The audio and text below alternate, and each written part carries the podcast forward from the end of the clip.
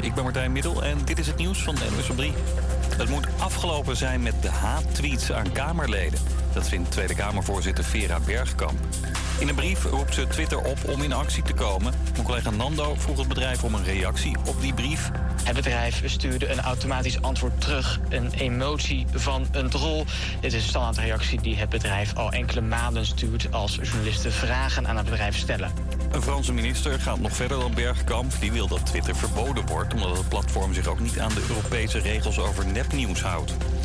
FC Twente onderzoekt of er afgelopen zondag racistische dingen zijn geroepen naar Ajax-spits Brian Brobby. Zijn teamgenoot Steven Berghuis maakte na afloop van de wedstrijd een slaande beweging naar een fan, omdat die Brobby zou hebben uitgescholden. Twente onderzoekt camerabeelden en laat weten of daar iets uitkomt.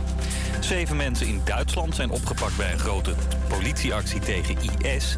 Ze zouden hebben geholpen bij het inzamelen van geld voor de terreurgroep, zegt correspondent Charlotte Waaiers. Om dat geld dan vervolgens ook in te kunnen zamelen, zijn mensen nodig met een, met een bankrekening bijvoorbeeld, die dat kunnen inzamelen en door kunnen uh, overmaken. En dat is waar deze zeven mensen van vandaag van worden verdacht. Dat ze dus tussenpersonen zijn met rekeningen die dat geld zo hebben ingezameld en doorgezet. In totaal zouden op die manier zo'n 65.000 euro zijn opgehaald. En door een maagverkleining word je niet alleen slanker, ook je hersenen worden er een stuk fitter van. Onderzoekers volgden patiënten voor en na de operatie en zagen dat mensen na een maagverkleining opvallend goed scoorden op verschillende tests voor het brein. Deze mensen die um, krijgen een, echt een verbetering in aandacht en geheugen. Uh, ze zijn dus meer alert en ze kunnen zich beter concentreren. Komt niet per se door die maagverkleining, maar gewoon door het afvallen. Daardoor wordt de doorbloeding van je hersenen beter en kun je dus beter nadenken. Het weer, veel zon. En op het noorden na wordt het overal minstens 20 graden. In het zuidoosten 25. Morgen in het noorden en midden wat meer bewolking. En temperaturen van 14 tot 21 graden. Een hele goede middag iedereen. Het is woensdag 31 mei, 2 over 12. En dat betekent best op woensdag. Wij zijn de radioshow die je meeneemt naar de lekkerste broodjeszaken in Amsterdam-West. Het lokale nieuws vertelt, de leukste opkomende talenten in de studio heeft en nog veel meer. Mijn naam is Julio en ik zit hier samen met Denise, Luca, Coco, Ivar en Noah. Hoe gaat het met iedereen? Ja, goed. Ik ja, jij bent weer terug, hè? Ik ben blij dat ik er weer ben. I'm back and I'm better. Ik had uh, keelontsteking, maar goed, hè? Eindelijk. Eindelijk, ja. Eindelijk. En uh, Noah, Jij ja. natuurlijk weer, bent natuurlijk weer de straat op geweest. Natuurlijk, ja, zeker. zeker. Een week kan niet ontbreken zonder Noah vraagt. Hè? Dus nee. ik ben zeker weer de straat op geweest. En uh, deze week heb ik het over Berghuis, die een fan van Twente heeft geslagen. aan waarschijnlijk racistische opmerkingen richting zijn medespeler Brian Brobby. Dus uh, ja, nee, ik ben benieuwd, Oké, oké, okay, klinkt spannend. Natuurlijk hebben onze spionnen ook weer genoeg leuke juice-items over onze BN'ers. En beginnen we zo met een leuke quiz. Jullie horen het straks allemaal, maar uh, ik heb er in ieder geval gezin in.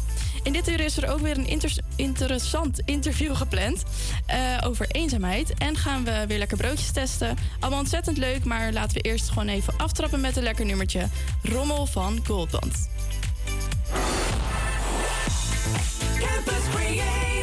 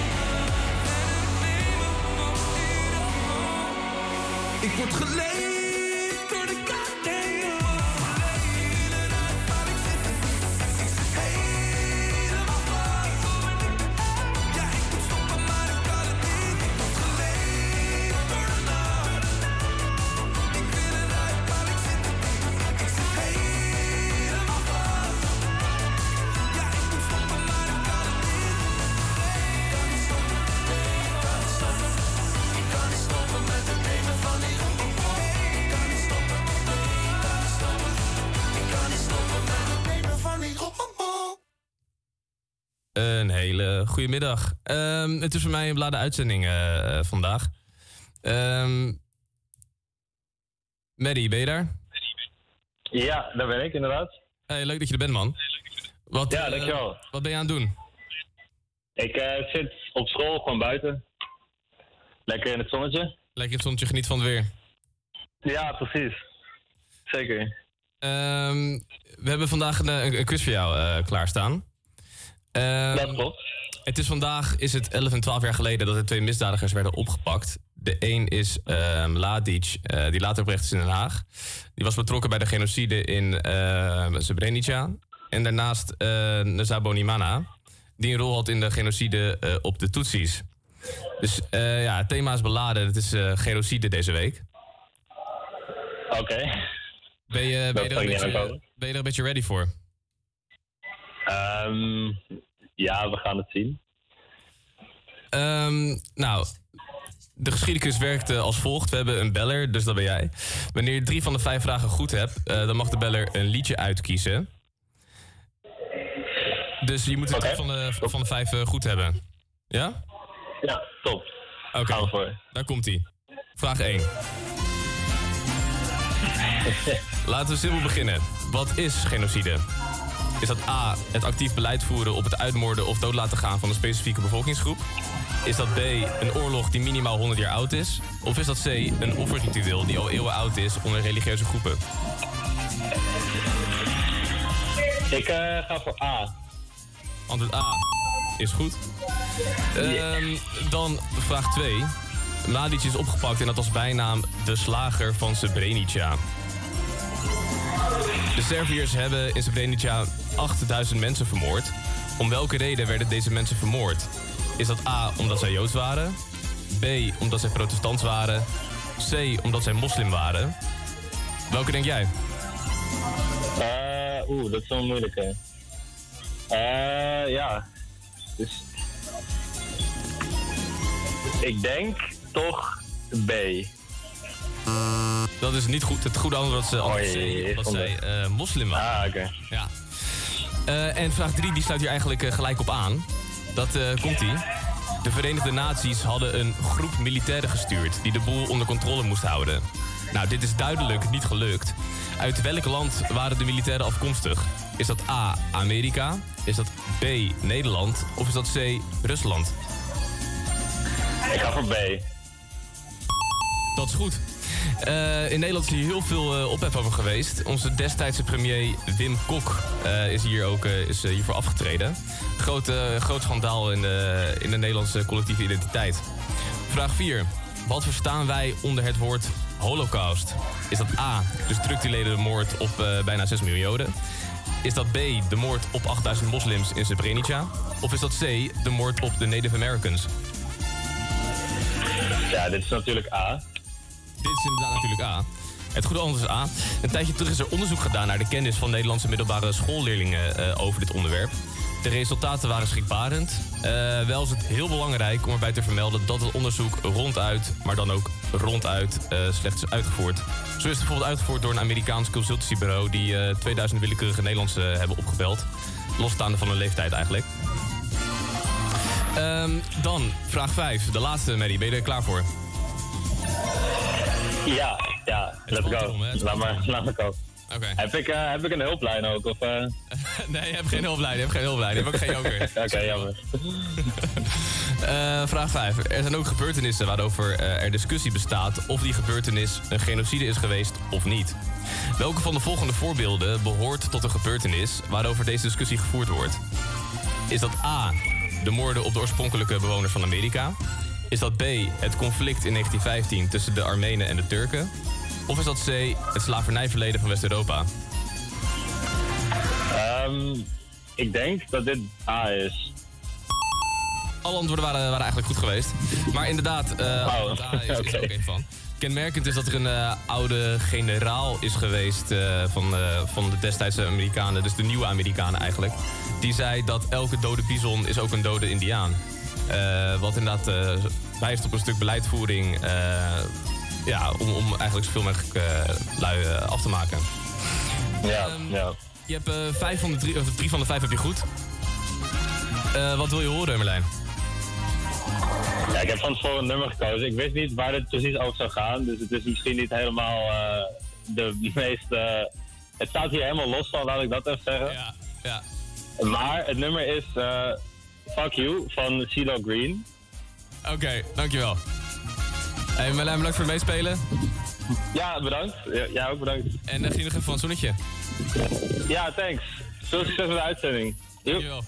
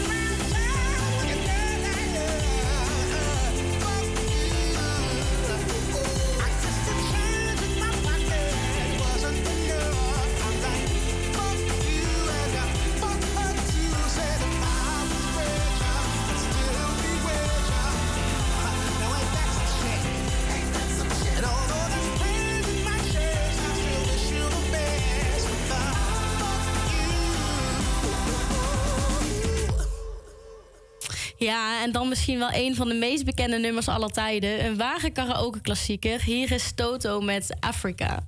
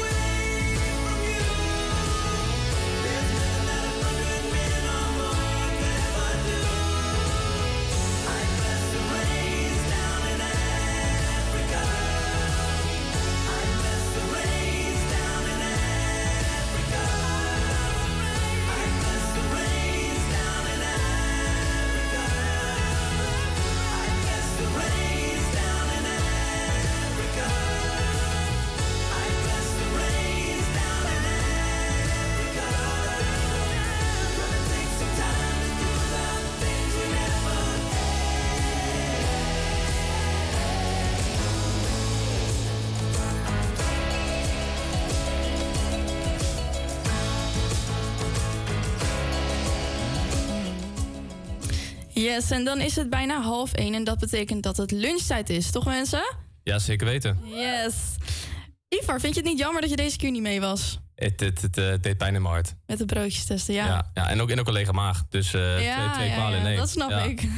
Heel Nou, vervelend. Luc en ik zijn weer op pad gegaan om een broodje te testen in Amsterdam West. En deze keer was het bij broodjeszaak Cup à la Cake. Dus luister maar even mee wat we ervan vonden. Welkom bij Bammetjesdag.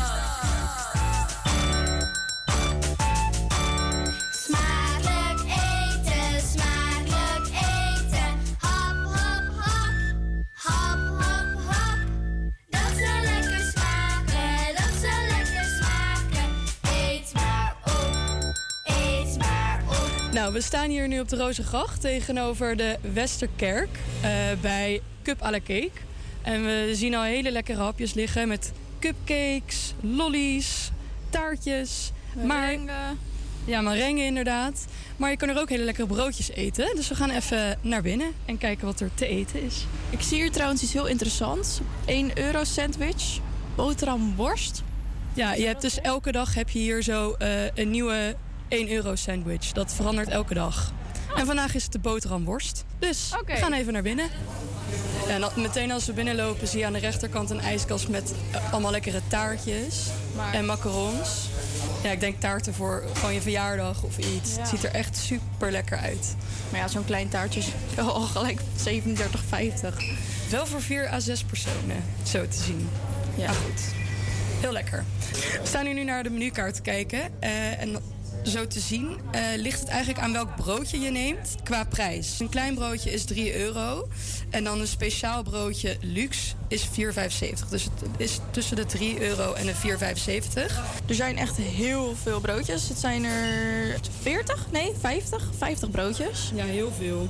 Oh, nog meer trouwens, want er is ook nog met warm vlees. Ja. Je hebt gewoon, eh, ja, ze noemen dat suggesties. Ik denk dat dat gewoon de meest gekozen broodjes zijn, denk ik. Je hebt grillbroodjes en je hebt nog warm, eh, warm vlees. Ja, ik kom hier dus al wat vaker, eh, omdat ik hier om de hoek woon. En ik neem dan altijd de kaasgrillworst met eh, een hele lekkere honing-mosterdsaus. Dus die zou ik je aanraden eigenlijk. Ik eet geen grillworst. Oké, dan houdt dat op. Ik eet geen varkensvlees. Oh ja, shit. Dat zou ik wel moeten weten nu. Ehm, mag ik misschien zo'n kleine, eh, klein bruin broodje met eh, de kaasgeelworst alsjeblieft. Wil je die? Ja, graag. En met uh, honingmosterdsaus alsjeblieft. Nee, dat hoeft niet. En heb ik een kaasgeelworst of een salmonkaas? De kaasgeelworst. Ja, lekker. Mag ik dan een broodje carpaccio met truffel mayo? Zeker. In plaats van de pesto truffel? Ja, graag. Ja, en dan wat voor broodje? Eh, of zo'n kleine witte alsjeblieft. Ja. Nou, wij zitten lekker op een bankje voor de Westerkerk om een broodje te eten. Ja. Wat vind je tot nu toe van het broodje? Hoe ziet het eruit? Ja, ik vind het er echt vet lekker uitzien. En ik vind het ook netjes, het zit nog in een eh, plastic folietje, zeg maar, zodat het hele zakje niet zo vochtig wordt. maar ehm, ja, er zit veel kaas op, zit rucola op, zit truffelmayo, eh carpaccio. Ja, ik, ik heb er helemaal zin in. Ik ook. En ik weet eigenlijk al wel een beetje wat ik kan verwachten. maar ik ben benieuwd eh, naar hoe jij het vindt. Ja, ik ook. Let's go. Nou, laten we even een hap nemen. First impression. Lekker. Die truffelmayo, die is lekker. Die is lekker zo heftig.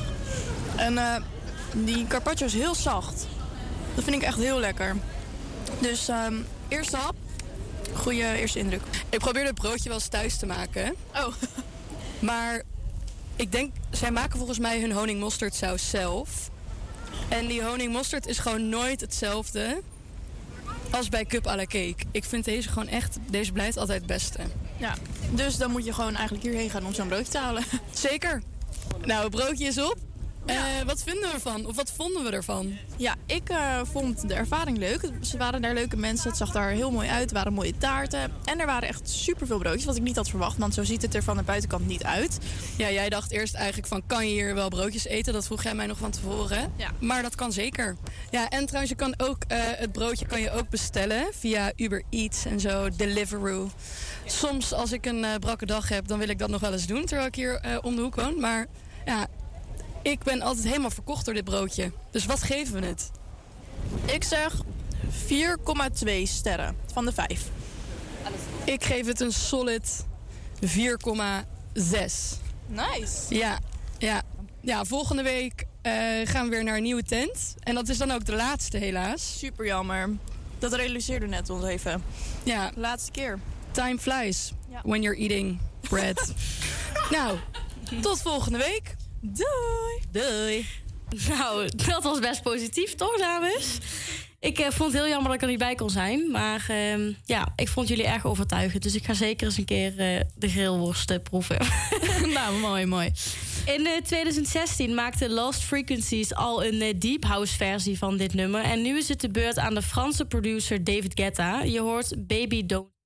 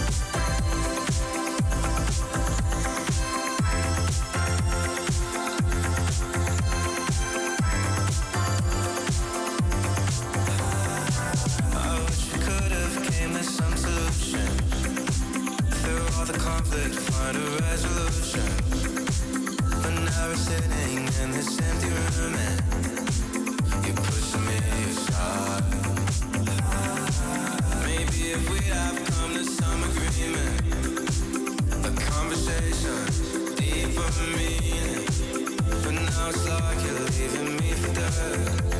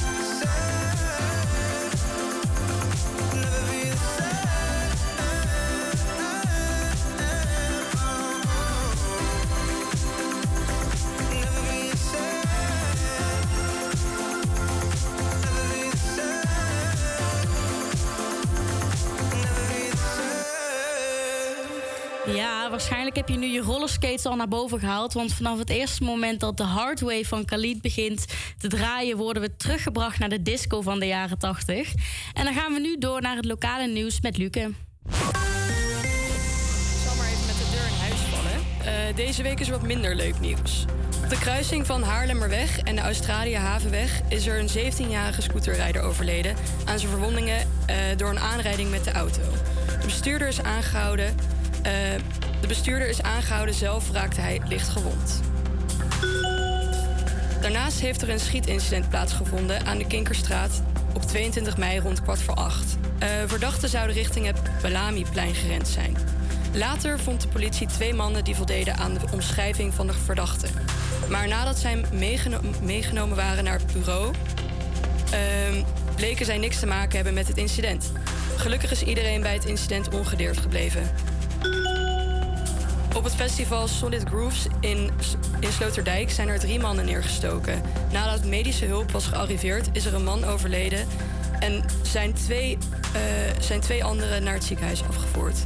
Gekeken naar alle drie de zaken zoekt de politie naar getuigen en beelden.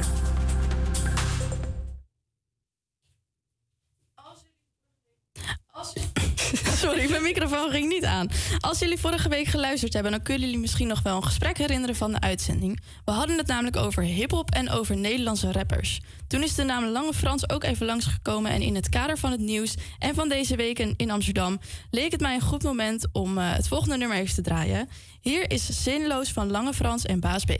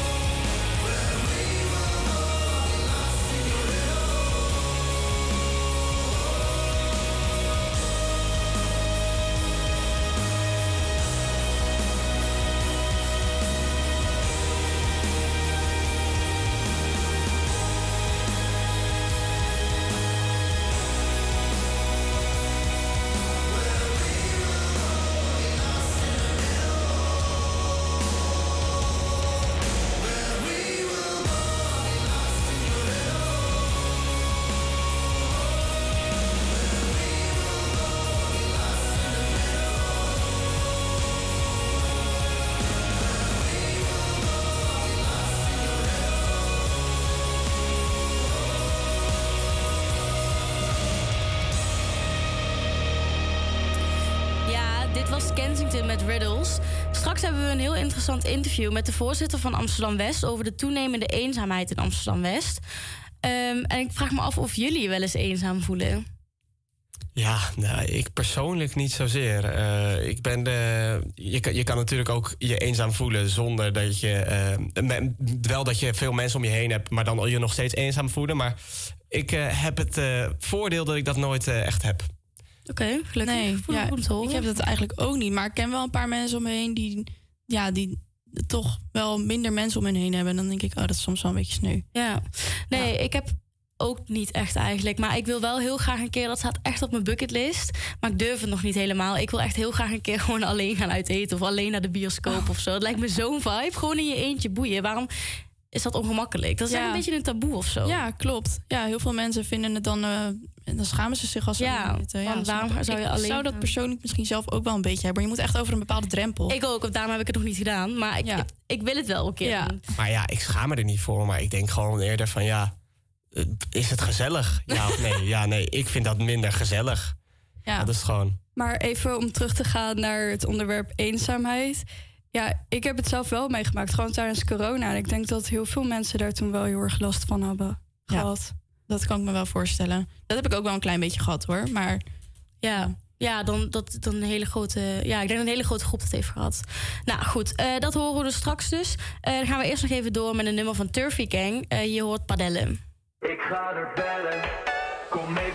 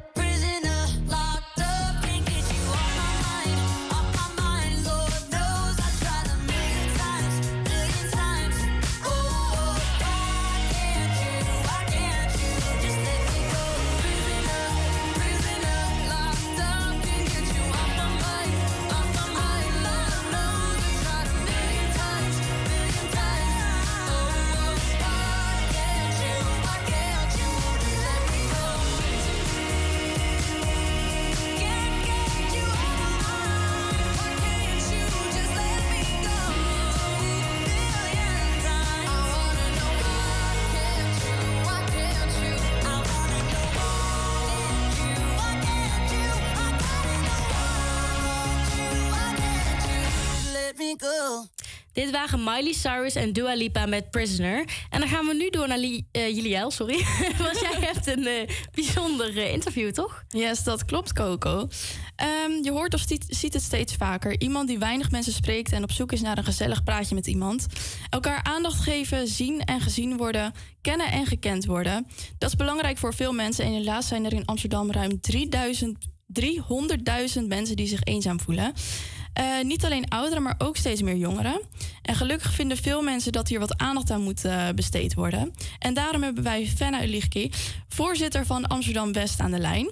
Welkom Fenna, leuk dat ik jou mag spreken. Ja, hi. Hi. Hi.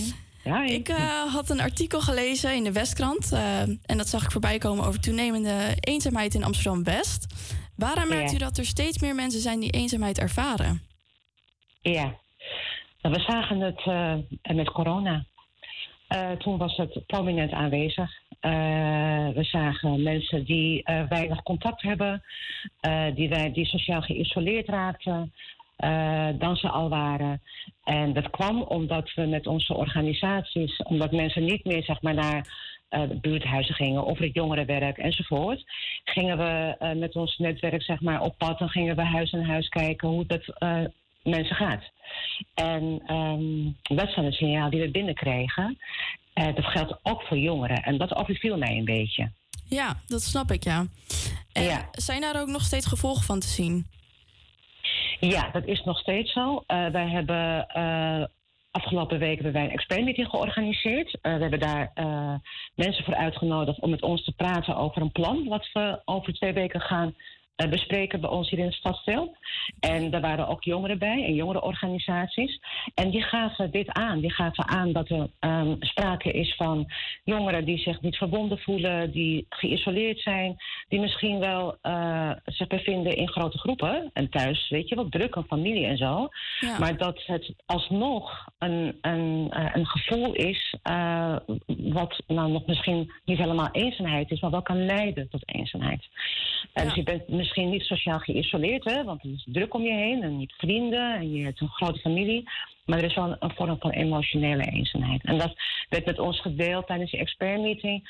En een aantal dingen die daar aan ten grondslag liggen, is inderdaad naar wat corona heeft gedaan, maar toch ook wel ja, ehm, prestatie, eh, druk, eh, eh, social media wat een grote rol speelt. eh, angst ook, ongemak, weet je wel. Niet weten hoe de toekomst eruit ziet. En dat is eh verontrustend. Ja, ja, dat snap ik, ja. Hey, en ik zag dat jullie ook een paar initiatieven nemen om eenzaamheid dan te verminderen. Ik zag iets Ja. over UP groepsgesprekken. Ja. Kunt u daar wat meer over vertellen? Dat zijn nieuwe initiatieven die ik allemaal nog ga bezoeken, zeg maar. Om ze ook echt te zien, hè, hoe het in de praktijk het eruit ziet. Maar de bedoeling is dat we initiatieven eh ontplooien, zoals UP, maar we hebben er meerdere. Eh, we hebben bijvoorbeeld ook een jongerenorganisatie in Bosselommer Codekit... die eh één keer in een paar weken eh, meetings organiseert... en met jongeren praat over maatschappelijke problemen, waaronder ook mentale gezondheid. Ehm, en dat, dat zijn initiatieven die, eh, die, we, die we faciliteren, financieel ook ondersteunen. Om ervoor te zorgen dat mensen bij elkaar komen en in de taal die zij gebruiken. dus niet onze taal, niet beleidstaal. of abstracte taal gebruiken, maar het gewoon hebben over waar het op gaat. Ja, en ik hoorde ook iets over het project De Kracht van de Meiden. Dat is dan speciaal gericht op jonge meiden? Ja, zeker. Ja. We hebben een, eh, eh, al een tijd, hè, eh, hebben wij in Amsterdam en ook in West, eh, volop aandacht voor de positie van vrouwen, maatschappelijke positie van vrouwen. Bijvoorbeeld als het gaat om eh, jonge vrouwen die slachtoffer kunnen worden, die slachtoffer worden van, van chantage, van sexting, eh, van exposure via internet. Eh, maar het gaat ook om eh, jonge vrouwen die het uh, Um, die door corona, dat was, vond ik best een beklemmend verhaal, die door corona, die voor corona uh, naar school gingen, studeerden uh, enzovoort, en door corona weer thuis raakten in een soort van traditioneel patroon of zo. Uh, dus alsnog, zeg maar, nou, die bevochten vrijheid, weet je wel, studie en dat soort zaken, mm-hmm. dat ze alsnog weer vervielen in een, in een, een beklemmend verhaal. En wat we willen met, met dit project en met alle andere projecten die we doen rondom meiden, om deze jonge vrouwen te ondersteunen. Ja, oké. Okay.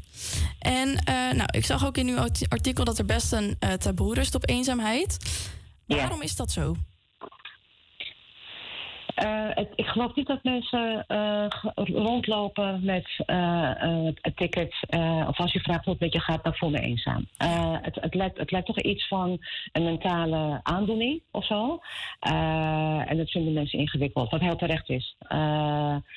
Dus er is een taboe op in de zin van dat, we, dat, dat ik hoor en dat, dat, dat ik meekrijg en ook om me heen zie dat mensen het moeilijk vinden om te vertellen dat ze de, de, de beeldvorming die er is, hè, eh, wat je moet zijn, eh, dat is moeilijk om dat te doorbreken.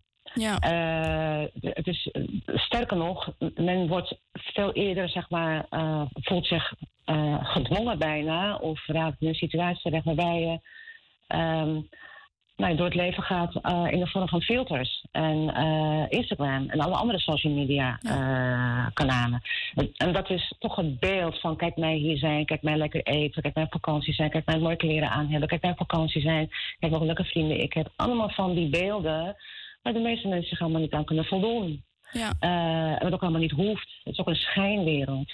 En, en om dat te doorbreken, moeten we hierover praten. En dat, dat proberen we ook met dit soort initiatieven. Namelijk te zeggen, het is niet een norm.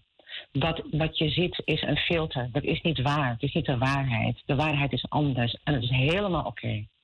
Ja, dus eigenlijk door erover te praten, doorbreek je die taboe. Zeker. Ja. Dat hoop ik. Dat hoop ik, ja. En social media is dus eigenlijk een grotere factor ehm, voor eh, die taboe ook.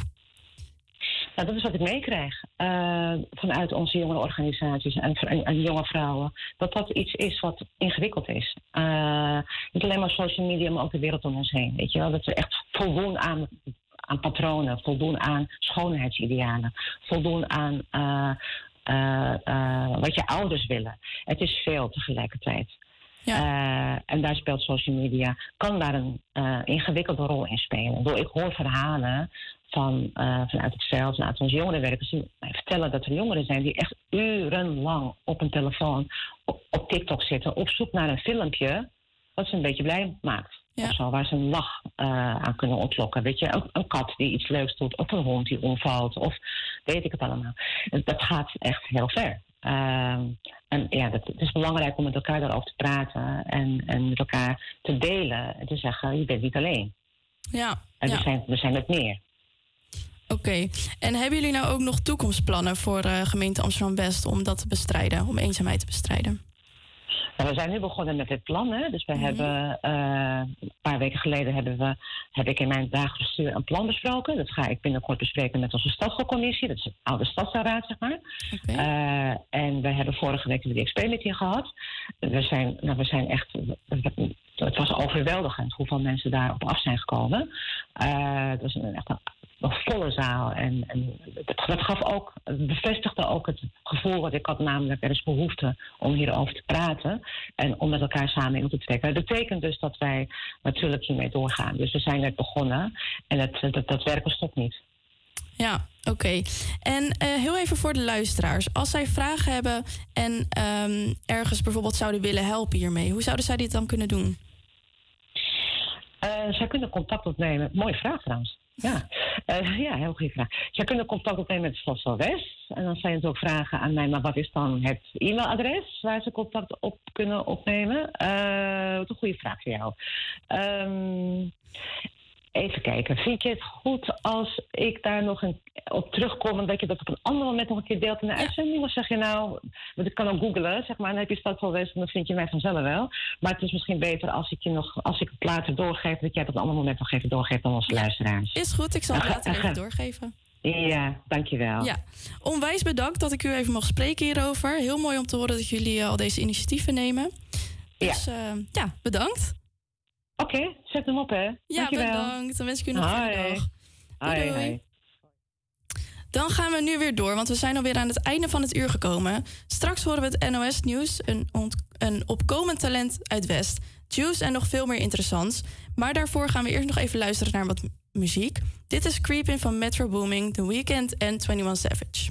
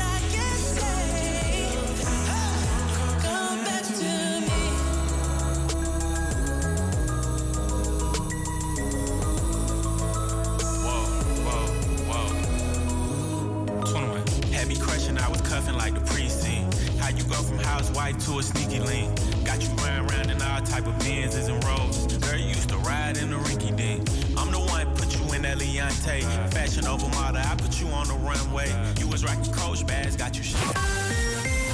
Campus Creators Nieuws. Goedemiddag, ik ben Martijn Middel en dit is het nieuws van NOS op 3. Tweede Kamervoorzitter Vera Bergkamp wil dat Twitter iets gaat doen aan de tweets met bedreigingen die zijn gericht aan Tweede Kamerleden. Ze heeft een brief gestuurd naar een hoge Twitterbaas, zegt mijn collega Nando Kastelein. Bergkamp spreekt in haar brief van recente tweets gericht aan Tweede Kamerleden die onder meer doodsbedreigingen bevatten. Het zou gaan om foto's en video's die op het platform zijn verspreid. Naar welke tweets ze refereert is niet duidelijk. Ze vraagt Twitter om zo snel mogelijk actie te ondernemen. Banken gaan minder streng controleren op witwassen. Ze stelden jarenlang superveel lastige vragen aan klanten over betalingen. En dat was vaak niet nodig, vertelt mijn economiecollega Nick. Als je denkt, bij deze klant is het risico op witwassen wel heel erg laag, bleven ze toch dezelfde vragen stellen als bij iemand waarbij de categorie eh, hoog eh, was. En nu heeft de toezichthouder een aantal maanden geleden gezegd: banken moeten risicogericht eh, toezicht gaan houden. Dus ja, als iemand een klant veel risico heeft, dan moet je daar meer vragen aan gaan stellen dan aan een klant die weinig risico op witwassen heeft. Best opvallend, want de afgelopen jaren werden de controles juist een stuk strenger. Banken namen duizenden mensen aan om verdachte betalingen in de gaten te houden. En Oranje-keeper Mark Vlekken heeft zijn droomtransfer te pakken. Hij keepte bij het Duitse SC Freiburg en deed dat zo goed dat hij ook werd opgeroepen voor het Nederlands elftal. Vlekken maakt nu de overstap naar Brentford in de Engelse Premier League. Al heeft hij nog meer dromen, vertelde hij eerder aan Voetbal International. Voor welke club zou je ooit nog willen keepen? Ja, weet je wel, eh, als kind heb ik altijd al gedroomd van, eh, van Barcelona. Maar goed, of dat erin zit, dat, eh, ja, dat, dat je maar nooit. Ja, Vlekken tekent nu voor vier seizoenen bij Brentford. De Engelse club legt zo'n 13 miljoen euro neer voor de keeper. Het weer, veel zon en op het noorden na wordt het overal minstens 20 graden. In het zuidoosten 25. Morgen in het noorden en midden wat meer bewolking. En het is ietsje frisser met temperaturen van 14 tot 21 graden. Goedemiddag iedereen. Mijn mic staat niet aan, goedemiddag iedereen. Welkom terug bij West op woensdag. We zijn alweer eh, aangekomen bij het tweede uur. En nog even terug naar het interview dat u net hoorde tegen eenzaamheid. Als je iemand kent die eenzaam is of zelf eenzaam bent... eh, kan je mailen naar het mail, mailadres aanmelden.buurtteamamsterdamwest.nl of kan je bellen naar het nummer 020 618 4952. Ik eh, zal het nog even herhalen. 020 618 4952. Nou ja, eh, nog even, eh, sorry, dit uur zit natuurlijk ook wel weer vol, na, vol met leuke dingen. Zo gaan we straks donuts proeven voor de dag van de donut. Heeft Denise weer, weer een gloednieuw talent weten te vissen uit de kweekvijver die West heet. En eh, ben ik weer de straat op gegaan met een gloednieuwe vraag. En dan als laatste hebben we ook nog de juice van onze roddeltantes Luke en Coco. Denise, kan jij ons een klein tipje van de slui- sluier geven over eh, wie eh, we gaan straks, straks gaan horen bij eh Best Talent? Jazeker. Ze zijn hier al een keertje geweest trouwens. Maar toen was er een technische fout, waardoor wij niet live zijn geweest die dag. Dat is wel heel zuur wel. Ja, dus het is heel spannend om ze nog een keer te hebben in deze uitzending. En ze zijn super enthousiast. Ja, ik ben razend benieuwd wel hoor. Ik ben razend benieuwd. Nou, dat eh, klinkt weer heel erg veelbelovend. Maar nu eh, gaan we eerst luisteren naar Tattoo van de Zweedse zangeres Loreen. Campus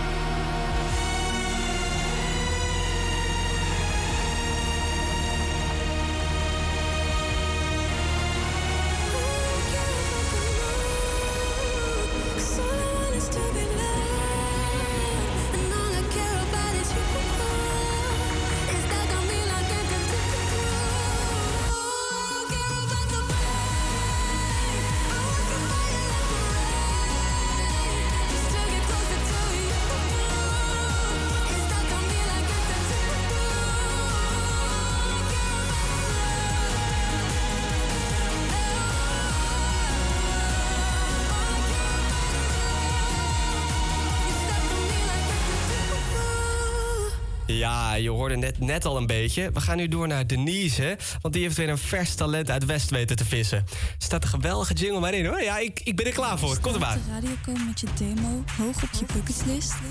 Elke week gaan wij op zoek naar talenten in en rondom Amsterdam West om bij En dan komt de uithaal, hè? Dan komt de uithaal, jongens. Festa. Wat hou ik toch van mijn collega's hier in de studio. Hallo Wietske en Lars, welkom. Hi, bedankt dat we hier mogen zijn. Hallo. Ja, tuurlijk. Ja, ik zei het net al een beetje toen jullie nog niet hier in de studio waren. Maar jullie zijn hier al een keer eerder geweest. Maar toen waren we niet live. Ja. ja, hoe is het om hier weer te zijn? ik vind het hartstikke gezellig. Nog steeds heel vet. Ja. Ja. Ja. Zijn de zenuwen nog iets hoger opgelopen of eh, hebben jullie nu genoeg geoefend? Zijn, zijn naar beneden. Dus het is. eh, Ja? nou, eh, wat is jullie mooiste herinnering aan een optreden? Het mooiste herinnering aan een optreden is toch wel dat we op het grootste podium hebben gespeeld in Duiker. En dat mensen ons eigen nummer, die we straks ook gaan laten horen, de Light, gingen meezingen. Dat was wel echt super gaaf. Ja, super tof. Maar kenden jullie die mensen of waren het gewoon compleet vreemden? Er waren veel, veel vrienden die waren uitgenodigd. Maar, wel, zeg maar omdat iedereen zijn vrienden uitnodigt... Zijn het, zeg maar, is het een hele grote groep van vrienden van elk band, bandmember, zeg maar. Ja, dus jullie hebben wel een kleine fanbase Ja, opgebouwd. ja, ja, wat leuk. En eh, jullie doen dit natuurlijk met z'n allen samen. Alleen is de rest er deze keer niet bij in de studio. Ehm, hoe, hoe hebben jullie elkaar leren kennen? Via de muziekschool zijn we eigenlijk met elkaar ehm, eh, in een bandje eh, gezet. En ehm, de bassist, gitarist en eh, pianist die zaten al langer bij elkaar. En ik ben er daarna bijgekomen en Wietske is daar snel daarna bijgekomen. En sindsdien zijn wij Scummy Man. Ja, ik was invalzangeres. en toen ben ik eigenlijk gestolen van een ander bandje. en eh, ja, nu ben ik met jullie doorgegaan. En hoe was het dan voor jou, Witske, om in een compleet, ja, al eh, een band die al heel lang bestond eh, te komen? Eh, het ging eigenlijk super soepel. Ehm, ik was daar nog wel een beetje bang voor. Maar ook om het, omdat het feit dat ik dacht dat ik daar niet lang zou zitten, was het allemaal heel relaxed. En daardoor ja, ben ik gewoon gebleven. Ja, en hoe, hoe hebben jullie Lars, hoe hebben jullie gekozen om haar in de band te houden? Nou, ehm, dat was eigenlijk vrij makkelijk, want we hadden geen zangeres. Dus... Jullie moesten Nou, dankjewel. wel. Ja, nee, grapje. Ja, nee, maar het, eh, wat wel zo is, is dat zeg maar, weet je, als je een eh, zangeres bij, als er een zangeres bij komt en het werkt gewoon niet, dan is dat al heel snel, gaat dat gewoon nergens naartoe. En dat we zo lang al wel bij elkaar zijn op dit moment, bijna twee jaar volgens mij of zoiets, betekent wel dat het gewoon wel werkt. Dus dat Ja. is, ja. Maar, maar Lars, jullie werden dus door jullie muziekschool bij elkaar gezet. En eh, daarna ben jij er dus bij gekomen, Wiske. Klikt dat allemaal met elkaar? Of is het echt gewoon puur... Jullie moesten wel met elkaar spelen, want jullie docenten zeiden het. Nou, het, het klikte vrij, het vrij snel. Het was een beetje, zeg maar, het is altijd een beetje lastig eh, als er een nieuwe zangeres bij komt. Maar eh, het klikte vrij snel en we zijn al best wel snel ehm, eh, naar eigen liedjes gegaan. En langzamerhand kwamen steeds meer optredens en daardoor zijn we steeds beter geworden met z'n allen. Tof, is dat voor jou ook zo Ja, ja ik, ik, ik was best wel nerveus van word ik wel geaccepteerd en zo. Maar ik voelde me ontzettend welkom. We hebben ook heel snel een optreden gehad. eh, meteen een bandwedstrijd ook.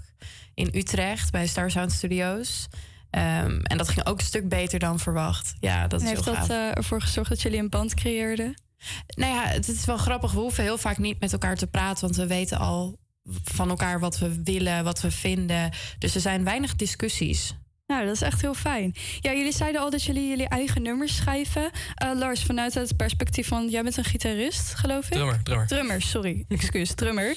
Eh, hoe schrijf jij een nummer op de Eh, drum? Of- ik begin meestal, ehm, als, als ik zelf nummers maak, begin ik meestal met piano, eh, piano en zo. Maar hoe we het samen eigenlijk doen, is dat, dat de gitarist gewoon een beetje aan het spelen is en dat de pianist dan een beetje bij komt. Die gaan al heel snel aan het spelen. Dan komt de bas eigenlijk en ik kom er heel snel achter. Dan hebben we al meteen eigenlijk best wel een groove. En dan eh, kunnen we, zeg maar, als een refrein of een couplet of zo, dat bedenken we dan later. En Wietske is al, terwijl dit allemaal bezig is, is Wietske al een hele tekst aan het schrijven. En op het moment dat wij eigenlijk zijn van, oh ja, dit is wel vet, heeft Wietske een tekst. Wat echt super vet. Dus jullie schrijven eerst de muziek en dan de tekst? Ja, dat gaat allemaal een beetje tegelijkertijd. Tegelijk. Ja. En Witske, waar denk jij dan aan als je een tekst schrijft? Waar gaat het meestal over? Eh, eigenlijk altijd over dingen die ik zelf heb meegemaakt. Eh, ik vind het dan ook echter klinken. Eh, ik heb bijvoorbeeld The Light gaat over een moeilijke periode met waar ik worstelde met depressie. En het is eigenlijk een nummer waar ik mezelf probeer aan te moedigen om door te gaan. En eh, dat het ook beter gaat worden. En het is ook beter geworden. Dus eh, ja, dat maakt het nummer wel heel belangrijk voor mij. Ja, snap ik. En probeer je dan ook de luisteraar wat mee te geven? Ja, ja. Gewoon vooral doorzetten. Ga naar die therapie. Ga, het, het wordt beter. Ik, ik weet dat iedereen dat zegt. Maar probeer dat vast te houden aan, die, aan dat kleine stukje hoop wat je misschien nog hebt. Ja, wat mooi. Vind jij het eh, lastig om een lied te schrijven zonder dat er eerst muziek is? Eh, nou ja, vaak is het dat ik gewoon in de trein of in de bus zit en ik krijg twee zinnen en ik schrijf dat gewoon op als. Want ik ben begonnen met dichten eh, heel lang geleden in de basisschool. daarvoor geen Siri. Dus ehm, Ja, Siri wil ook heel graag Ja, meedoen aan het interview. En, eh, en dan schrijf ik dat op en dan kan ik daar verder mee werken in de studio als zij al dingen hebben bedacht, wat altijd super snel gaat. Ja. En eh, Lars, even kijken. Ja, sorry. Hoe eh, begin jij dan met de drum? Sta je gewoon een basic ritme aan? Ja, dat doe ik al, zeg maar, sinds ik, sinds ik drum, zeg maar, al, als, je, als je verder komt met drummen, dan volgens mij ben je dan gewoon altijd aan het drummen, zeg maar, ook in je hoofd. Dus als ik dingen, als ik dingen hoor, dan ben ik, heb ik al heel snel een gevoel erbij wat best wel goed klinkt. En eh, omdat ik, zeg maar, veel verschillende soorten muziekstijlen luister, is dat meestal, weet je, dat, dat kan van alles zijn. Maar meestal past het wel op de manier, past het wel erbij bij de muziek. En Wat is jullie genre nu? Nou ja, het, is, het, het gaat een beetje van de ene kant naar de andere kant. Maar we gaan nu een beetje meer naar de, eh, de funk dingen toe. Ja. We zijn eh, eigenlijk meer een beetje begonnen met meer wat rock dingen. En dat zijn eh, de light. eh Dus, dat is de light ook vooral. We doen een mixje van funk en rock. Wat vooral. leuk. En hoeveel nummers hebben jullie nu? Eh, eigen nummers, drie, vier? Drie, vier, zoiets. Ja, drie, vier eigen nummers en vooral heel veel covers ook voor optredens en dat soort Leuk. dingen. Ja. En staan al jullie nummers op Spotify? Nee, nog niet. Die komen er wel op. Ja, die komen er wel, op. Ja. Ja. we zijn nu bezig met het uitbrengen van de light in ieder geval. Ja. Ja. En eh, hebben jullie de komende tijd nog optredens op de planning staan? Ja, ja, ja we hebben eh, volgende week al P60 staan in Amstelveen. Ook het grootste podium waar we tot nu toe hebben gespeeld. Jeetje. Ehm, we hebben in juli de zesde volgens mij. Vijf en zes. Vijf en zes. Vijf hebben we in Sinatol en de zesde hebben we in Volta, Amsterdam. Amsterdam. Ja. Ja, wat leuk. En jullie gaan ook optreden met een band die al een keer is geweest, Ja, toch? Dat ja, als je maar gelukkig bent. Ja. ja, geweldig. Door hun kunnen we ook meedoen met Volta. Dat is echt heel lief van ze. Heel leuk. Hebben jullie een hele korte tip voor de luisteraars als ze ook iets willen doen met muziek? Ehm, ik zou, als je denkt eh, om een instrument te spelen, zou ik zeggen: doe het. Want eh, je komt er veel verder in dan je denkt dat je, dat je eerst komt, zeg maar.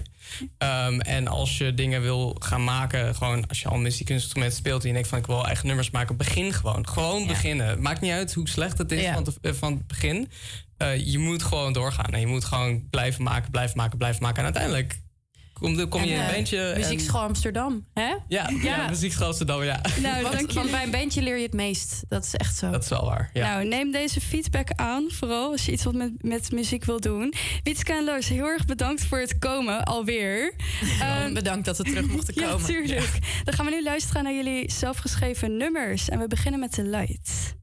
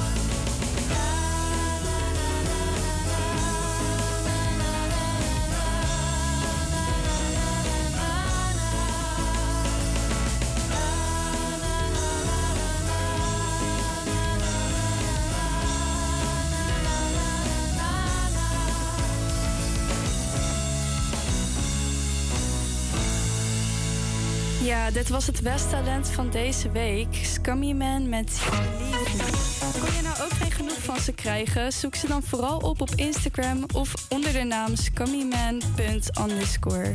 Ja, dankjewel Denise. Eh, dan gaan we nu door naar iets heel anders. Aankomende vrijdag is het namelijk de dag van de donut. En het kan natuurlijk niet zo zijn dat wij deze kans aan ons voorbij laten gaan... om een paar donuts te proeven, hè jongens? Tuurlijk Zeker niet. Nee, precies. Dus ik ben vanochtend dus eh, donuts wezen te halen. Geniet ervan, jongens. Houden jullie een beetje van donuts? Ja, ik wel. Ja. Ik heb hier helemaal zin in. Ik kom Ja. eigenlijk alleen nooit bij Dunkin' Donuts, dus ik ben wel benieuwd. Hmm. Maar welke donuts hebben jullie voor je, jongens? Kunnen jullie een beetje omschrijven voor de luisteraar wat we hier voor ons hebben? Ik heb een donut eh, met, met eh, Oreo. En eh, er zitten kruimels op. En daaronder zit, hoe heet dat spul? Ja, glazuur. En volgens mij zit er dus nog in crème. Zeg maar van dat spul Oh, ja. wat er midden in zo'n koekje zit. Oké, maar eh, even terugkomend op jouw, jouw uitspraak van Oreo. Jij zegt Oreo in plaats van Oreo. Nee, nee, nee, nee, nee. Het is eigenlijk Nee, nee, nee, nee, nee. Oreo. Maar iedereen zegt in het Hollands Oreo. Ja, sorry, maar dat klopt niet. Ja, jemig, Net oké. zoals als, als je Ik een bagel ook, hebt hoor. en dan zeggen Ja? andere mensen Oreo, Bagel. zeg ik. Ja, sorry hoor, maar dat vind ik echt verschrikkelijk. Ja, er zeggen echt mensen bagel in plaats van bagel. Ik Oh, ken maar er een aantal. Weet je wat ik een keer heb gehad? Ik heb een tijdje als bediening gewerkt. Ik moet het echt even vertellen, want ik vond het zo grappig. Wij hadden op de kaart als dessert hadden we chocoladecake staan. En iemand bestelde bij mij chocoladekaak. Zonder grap. En ik zeg, wat? Ja, chocoladekaak. nou ja, ik heb natuurlijk ook voor deze... Oh, wacht trouwens. Ik, ben- ik ben helemaal niet eh, het rondje helemaal eh, rondgemaakt. Luca, wat heb jij Ja, voor je is staan? dit nou, Noah? Ja, sorry, Luca. Nou- Vergeet je gewoon bijna. Maar nee, nou oké, ja. Ik heb gewoon een hele simpele donut. Met, Simpel. met suiker. Mooi. Lekker wel? Ja, ik heb hem nog niet geproefd. maar het zal vast lekker zijn. En Denise, jij hebt ook eentje voor je liggen volgens mij, hè? Ja, volgens mij is het Cookie Monster. Kijk. wat en zit dat erin? smaakt naar... Ik heb geen idee. Ik heb Ik het nog nooit gegeten. Daar zit ook een Cookie. vulling in. Oh, echt? Oh. die ken ik. Ja, ik heb persoonlijk heb ik eh, een eh, Red Velvet eh, donut voor me liggen. Ik heb hou al een van Red genomen, Velvet. zie ik. Ik heb al een klein hapje genomen. Ik kon me niet inhouden, jongens. Ik kon me niet inhouden. Maar ja, Ivar, wat heb jij voor je liggen? Ik heb een uh, vanille Dion donut. eh, ik ben altijd Vanille? van vanille. Vanille milkshakes Oh. ook bij Mackie. En eh, kon, ja, als we dan donut moeten nemen, dan heb ik wel uh, vanille.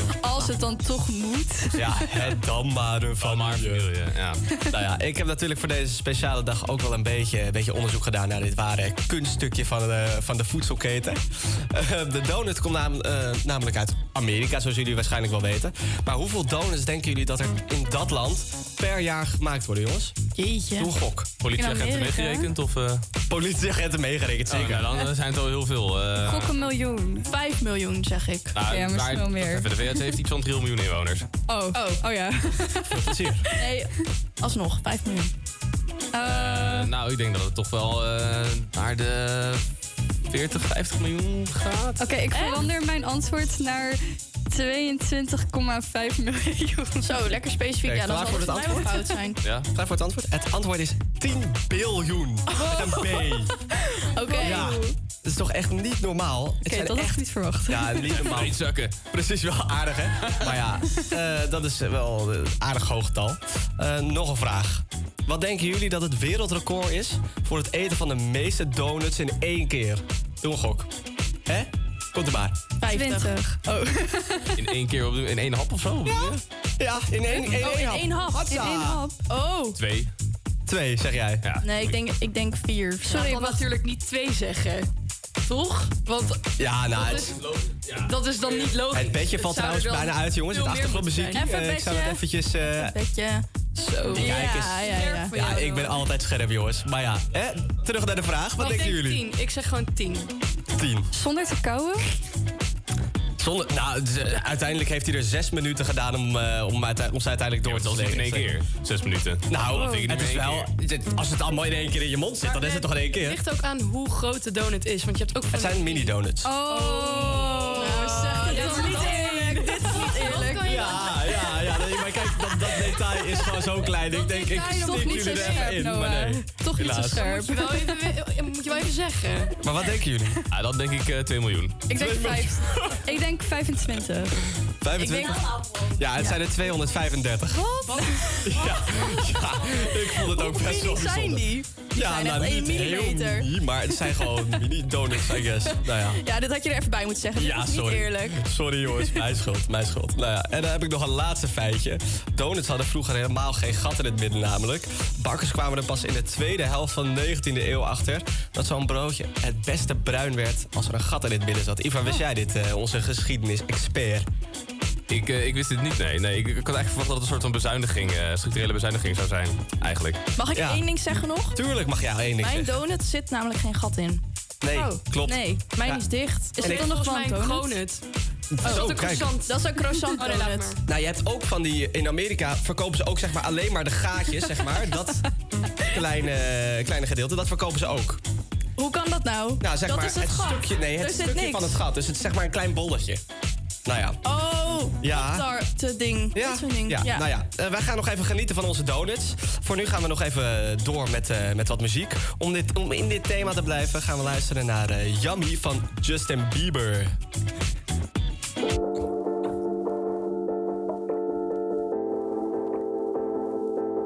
You got that yummy,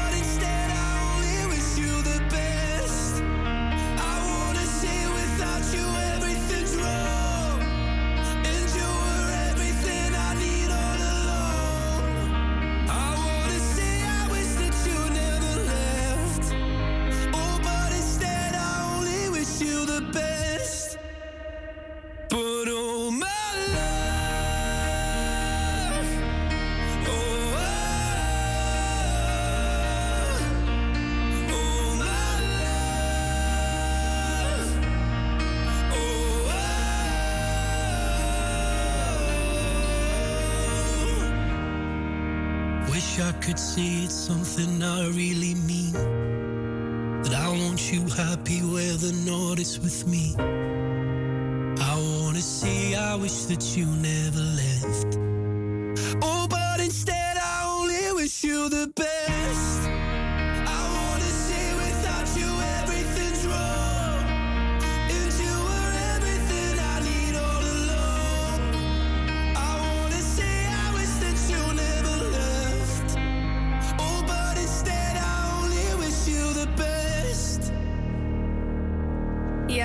Wish You The Best van Lewis Capaldi.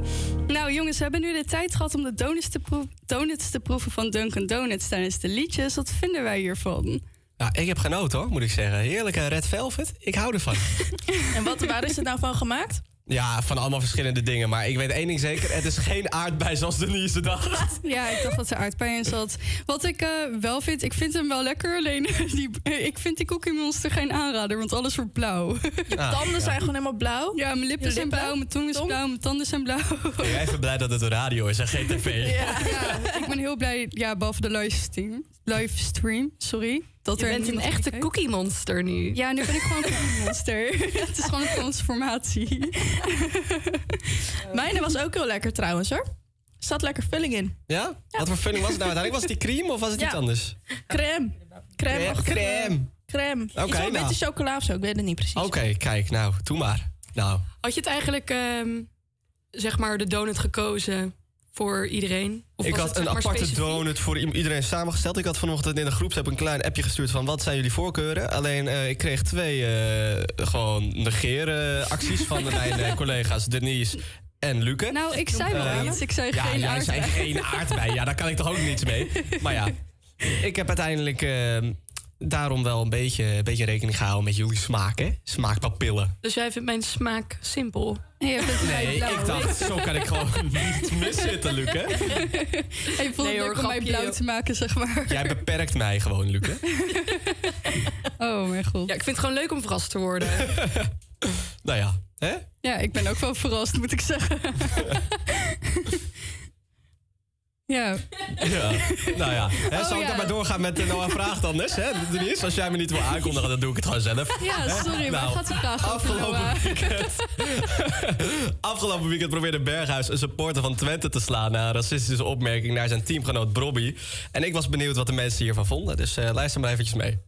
Heeft u meegekregen wat Berghuis afgelopen weekend heeft gedaan? Ja, heb ik meegekregen. Ja. Hij heeft ehm, een eh, supporter van Twente ehm, proberen te slaan. En dat deed hij omdat de supporter een racistische opmerking had over Brian Brobby. Wat vindt u daarvan? Ehm, ik kan hem geen ongelijk geven. Ik, eh, ik heb er wel over nagedacht. En ik denk van ja, soms kan het ook gewoon te ver gaan. En natuurlijk, eh, fysiek geweld lost niks op. Maar ja, weet je, ergens is er een grens volgens mij ook. Dus ja, ik kan me voorstellen. Ja, ik weet niet. Ja, ik, ik snap het wel. Ik snap het wel, ja. Je snapt wel dat, hij, dat er is geslagen of je snapt die opmerking wel? Nee, nee, nee, nee, ik snap wel dat... Daar ga ik al. Nee, nee, nee. Ik snap, ik snap de reactie wel. Een soort van op dat er als iets zoiets wordt geroepen over je teamgenoot. Ja, gewoon, ja, toch? dat vind ik, dat, ja, maar gewoon oprecht. Ik snap dat wel. Het zijn ook gewoon mensen, ja. het- ik snap dat ze een groot voorbeeld hebben, maar... Ja, ehm, wat ik ervan vind, ja. Nou, hij mag het. Het is natuurlijk, hij mag het niet doen, maar kijk. Die, hij neemt het ook gewoon op voor zijn teamgenoot. En dat is, daar gaat het ook een beetje om. Dat, hij, hij helpt gewoon zijn teamgenoot. En het is gewoon dapper dat hij daarvoor opkomt. Want het is ook niet altijd even makkelijk. Ook voor hem niet. En ook voor Bobby niet. En toch is er een, een boete gegeven door Ajax. Hoe kijkt u daar dan tegenaan? Ja, dat is volgens mij gewoon eh, standaard. eh, ze moeten wel iets doen. Als ze niks doen, dan eh, keuren ze zijn eh, actie ook goed. Dus er zal er waarschijnlijk een boete tegenover moeten staan. Ja. Ehm, Ik vind het ergens wel logisch, man. Ja, het is... Ja, ja, het is... als ze het niet doen, is het ook weer een message Ja, dat, ze dat, dat ze het normaal vinden dat je, mensen club, slaat. Je wil als club wel je, je, je hoe zeg je dat? Ehm, ja, gewoon niet zo over elkaar voorbeeld zijn. Precies, dus de logisch Ajax doet. En ik vind het logisch van Berghuis. Ik zeg, en het moet ook niet te groot maken, vind ik. Ehm, nou, om eerlijk te zijn, mijn mening vind ik dat dat niet terecht is. Sorry, maar dat is echt mijn mening. En ehm nou ook snap ik ook niet waarom hij niet is opgeroepen voor Oranje om de Nations League. Want denk je dat dat dan ehm, ver- verband met elkaar heeft? Nou, ik, nou, ik hoop het niet, maar eh, het ziet ernaar uit een dag. Terwijl Berghuis is altijd goed bezig. Hij is gewoon zowel bij Ajax als bij Oranje een van de vaste waarden. En dat hij nu ineens dit krijgt, vind ik ook een beetje raar. En er is wel vaker eh, sprake van racisme de laatste tijd. Eh, laatst was het natuurlijk eh Vinicius Junior die echt helemaal werd uitgemaakt voor aap door de, door, de, door de fans van de tegenstander. Hoe, hoe moet dit aangepakt worden volgens jou? Nou ja, ik vind dat het wat ergens dat Sp- Spanje en Italië vind ik dus dat zijn opre- in dat, op, dat eh, opzicht gewoon echt ja, best wel achterstandsland vind ik. Want ook gewoon eh, elke Italiaanse wedstrijd wordt ook gewoon als Ja, Lukaku er speelt, gewoon zitten gewoon kinderen en zo en moeders gewoon die allemaal gewoon aapgeleid maken. Ja, dat kan natuurlijk echt niet. Dus eh, ja. Ja, het, het, kan, het kan niet. Hoe moet je het aanpakken? Ja, gewoon die fans gewoon, ja, die fans gewoon een stadionverbod geven, weet ik het. Gewoon zoiets. Dat je de rotte appels eruit haalt. Ja, iemand denkt dus dat eh, Berghuis niet is opgenomen voor het Nederlands elftal. Terwijl hij wel echt wel vaste kracht is eh, de laatste paar jaar. Wat vinden jullie jongens? Zou dat terecht zijn na, na zijn actie die hij Nou, eh, ik hoorde al apengeluiden geschokken klinken vanuit Coco. Dus, Ja, dat kan toch niet, joh. Nee, is wel heftig. Ja, want vinden jullie dat je, dat je een klap als speler zijnde mag uitdelen aan een fan als hij een, eh, als hij een racistische opmerking maakt naar je teamgenoot? Ja. Ja, vind je wel? Ja, ja sorry.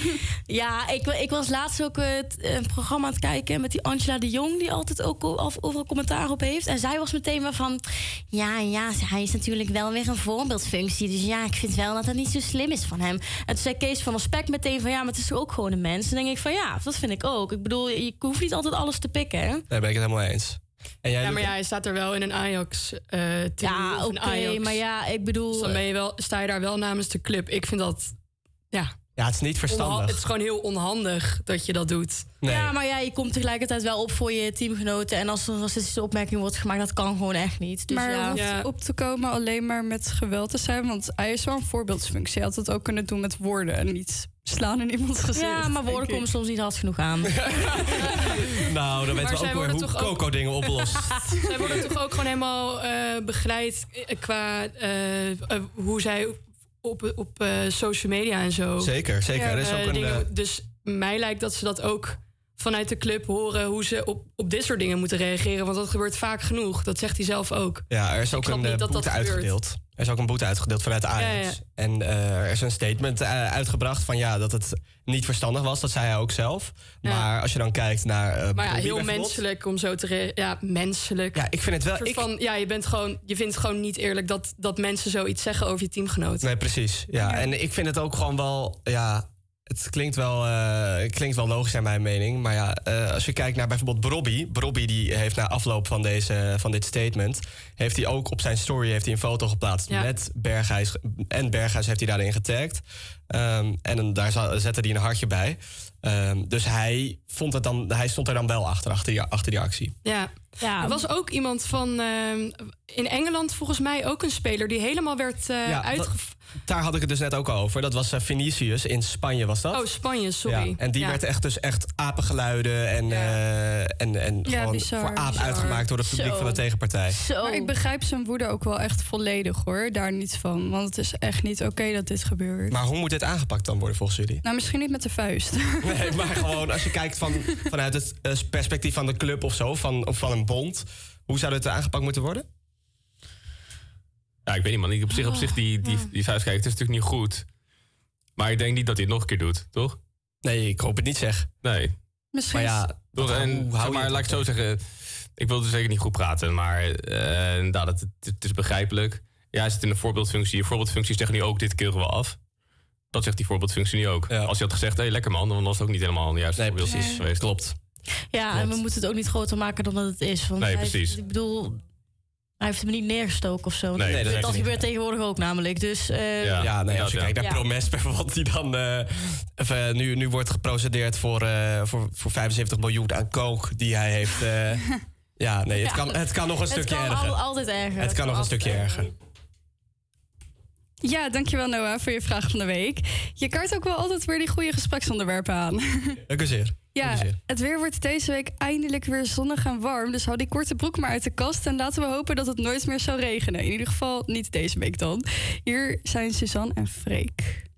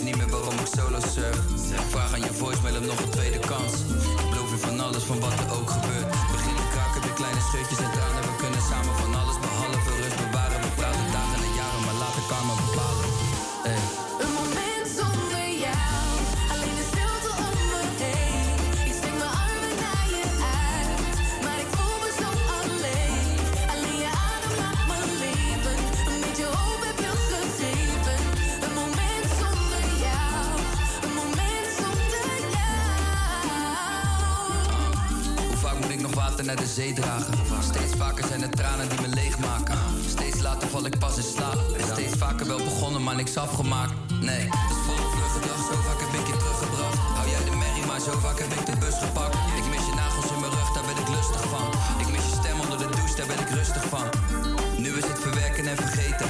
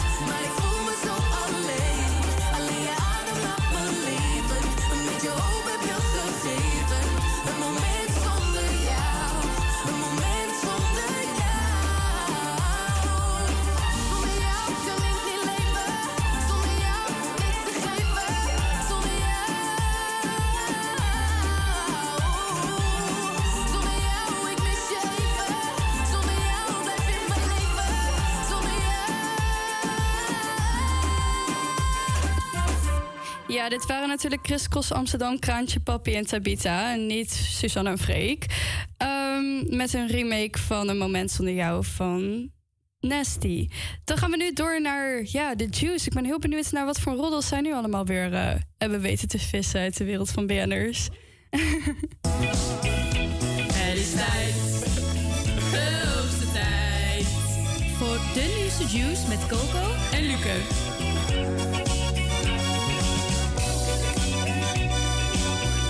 Zo, ik zet even de verkeerde microfoon aan, maar het gaat weer goed.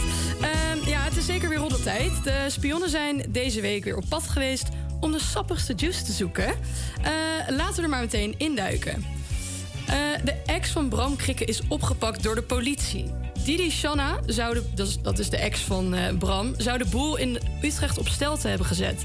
Nadat ze onder invloed voor overlast zou hebben gezorgd. Het blijkt dat ze onder de invloed was van GHB.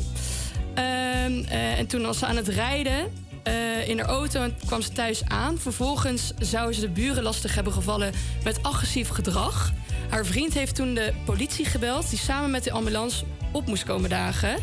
Eh, op een video is te zien hoe ze nog amper kon staan. De politie heeft uitgebreid onderzoek gedaan in haar auto en heeft een drugstest afgenomen. Er gaat dan ook een video rond van de auto die sprekend lijkt op de auto van Didi Shanna. Dat is een eh, Fiat 500, een grijze. Ehm, ja, en zelf ontkent ze dat ze... Ja, dat is heel erg belangrijk detail, Noah. Je kan wel lachen, hè? Maar zij ontkent het. Dus daarom is dat even belangrijk om dat even te benadrukken. Ja, eh, persoonlijk vind ik het vrij bijzonder dat de video is gefilmd in de wijk waar ze is gewoond. Waar, ze, waar ze is gewoond, waar ze woont. Ja. Ja, wat Ja. denk jij? Denk jij dat het waar is? Of denk Ja, jij dat ik denk het wel is? eigenlijk. Ik vind het best, wel- best wel heftig Zij is dat ook dat echt rondgaat. he- Dat zij ze, is eh, heel veel afgevallen ook, hè? Echt heel veel. Zou best door en ik, in eerste instantie zag ik op TikTok en toen dacht ik van... oh, wow, wat knap, ziet er goed uit. Maar nu denk ik, als het door een GHB-verslaving komt... dan vind ik het wat minder knap, maar goed. Ja, ja GHB, maar ja... Het is wel, het is wel echt een roddel. Ja nee, goed, daarom. Dus je kunt ook nog niks eh, vaststellen, maar ja. Ja. Hè? Laten we doorgaan. Het komt niet zomaar de wereld in, hè? Nee. Dan hebben we een roddel over André Hazes junior. Ja. Again, ik weet al niet, ik weet niet meer hoe vaak deze jongen al voorbij is gekomen in de juice, maar eh, hij, hij blijft niet weg. In ieder geval, eh, wel leuk nieuws dit keer. Eh, André en Monique Westenborg, het koppel gaat trouwen. Op social media laat André weten Monique ten huwelijk te hebben gevraagd. Hij deelde een foto met mijn grote liefde, sterkste en mooiste vrouw op aarde, zei ja. Hazes en Westenberg verloofden zich in december 2020 al, maar drie maanden later besloot het koppel alweer uit elkaar te gaan. Inmiddels hebben de twee weer een relatie. Samen hebben ze eh, een zoon, André ook, van zes. En eh, eerder zei Hazes al dat Monique 100% de liefde van haar leven is. De twee hebben schijnbaar een vorm gevonden voor een relatie die goed werkt voor hun. En eh, hoe die vorm er precies uitziet, dat is eigenlijk voor niemand duidelijk. Ehm, ja, hoe, hoe, gaat, hoe werkt zoiets? Dat vraag ik me gewoon echt af. Ja, ik... Een vorm aangenomen die voor ons werkt. Dat is toch meestal als je een relatie hebt. Dat het- ik denk dat, die. André Hazes echt zoveel problemen heeft. Ik kan hier echt helemaal niks mee. Maar in ieder Ik hou geval... hem ook gewoon echt niet bij. Ehm, in september dit jaar is André Hazes twee jaar clean. Eh, hij heeft nu een muziek en gaat dan dus trouwen. Dus in principe kan het niet beter, toch? Nee, Alleen, zeker niet. ehm, nu is er wel weer vanochtend toevallig naar buiten gekomen... dat ze dus voor de rechtbank worden gesleept. Omdat ze dus naar Amerika zijn gegaan. Een paar weken terug op vakantie. En ehm, dus de zoon, André, van zes... die eh, had helemaal geen vakantie. Dus die mocht helemaal niet van school vrij krijgen. En eh, zij hebben dat dus wel gedaan. Zij hebben gewoon gezegd van ja, boeien, wij willen gewoon naar Amerika. dus eh, de school heeft, de school heeft, heeft eventjes ehm, een aanklacht ingediend. Want ja, het is gewoon leerplichtig natuurlijk, dat kind. Ja, apart. Dus, ja, Apart, heel apart. Er gebeuren heel veel dingen bij hem, voor mijn gevoel altijd. Ja. Ik hou hem gewoon echt niet meer bij. ook. Nee, dat is onmogelijk. Ik vind hem echt vreselijk. Ja, ik heb het gezegd, sorry. Ik heb het gezegd. nou, ben je ook zo'n fan van de zomerklander Een Apperolletje? De Offsiders, oftewel Wilfred Gené, Wesley Snijder en Andy van der Meijden... zijn het zangtrio achter de bekende zomerhit. Ze hebben zelf ook een podcast over voetbal.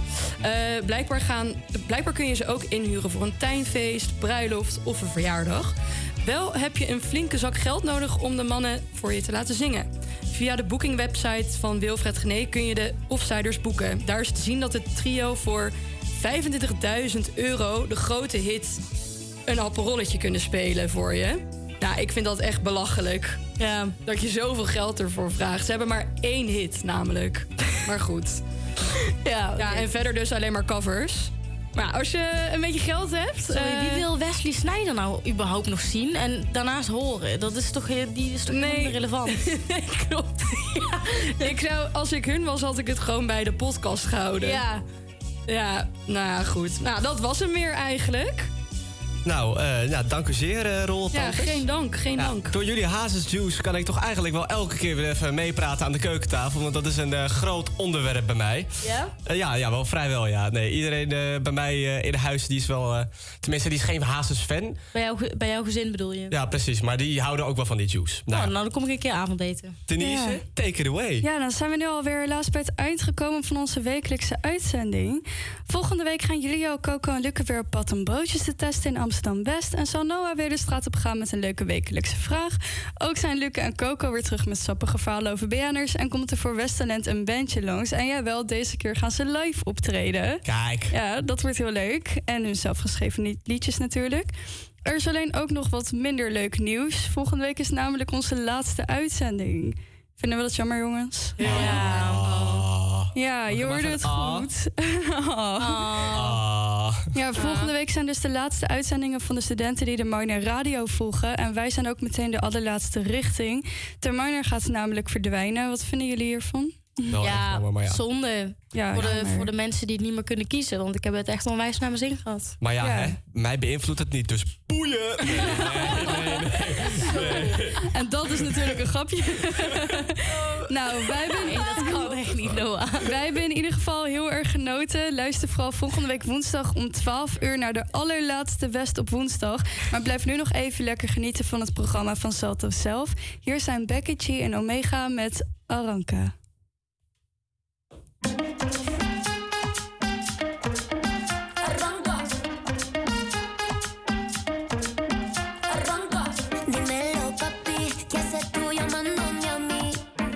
Ayer te vieron enredado con una. Ya tengo un tigre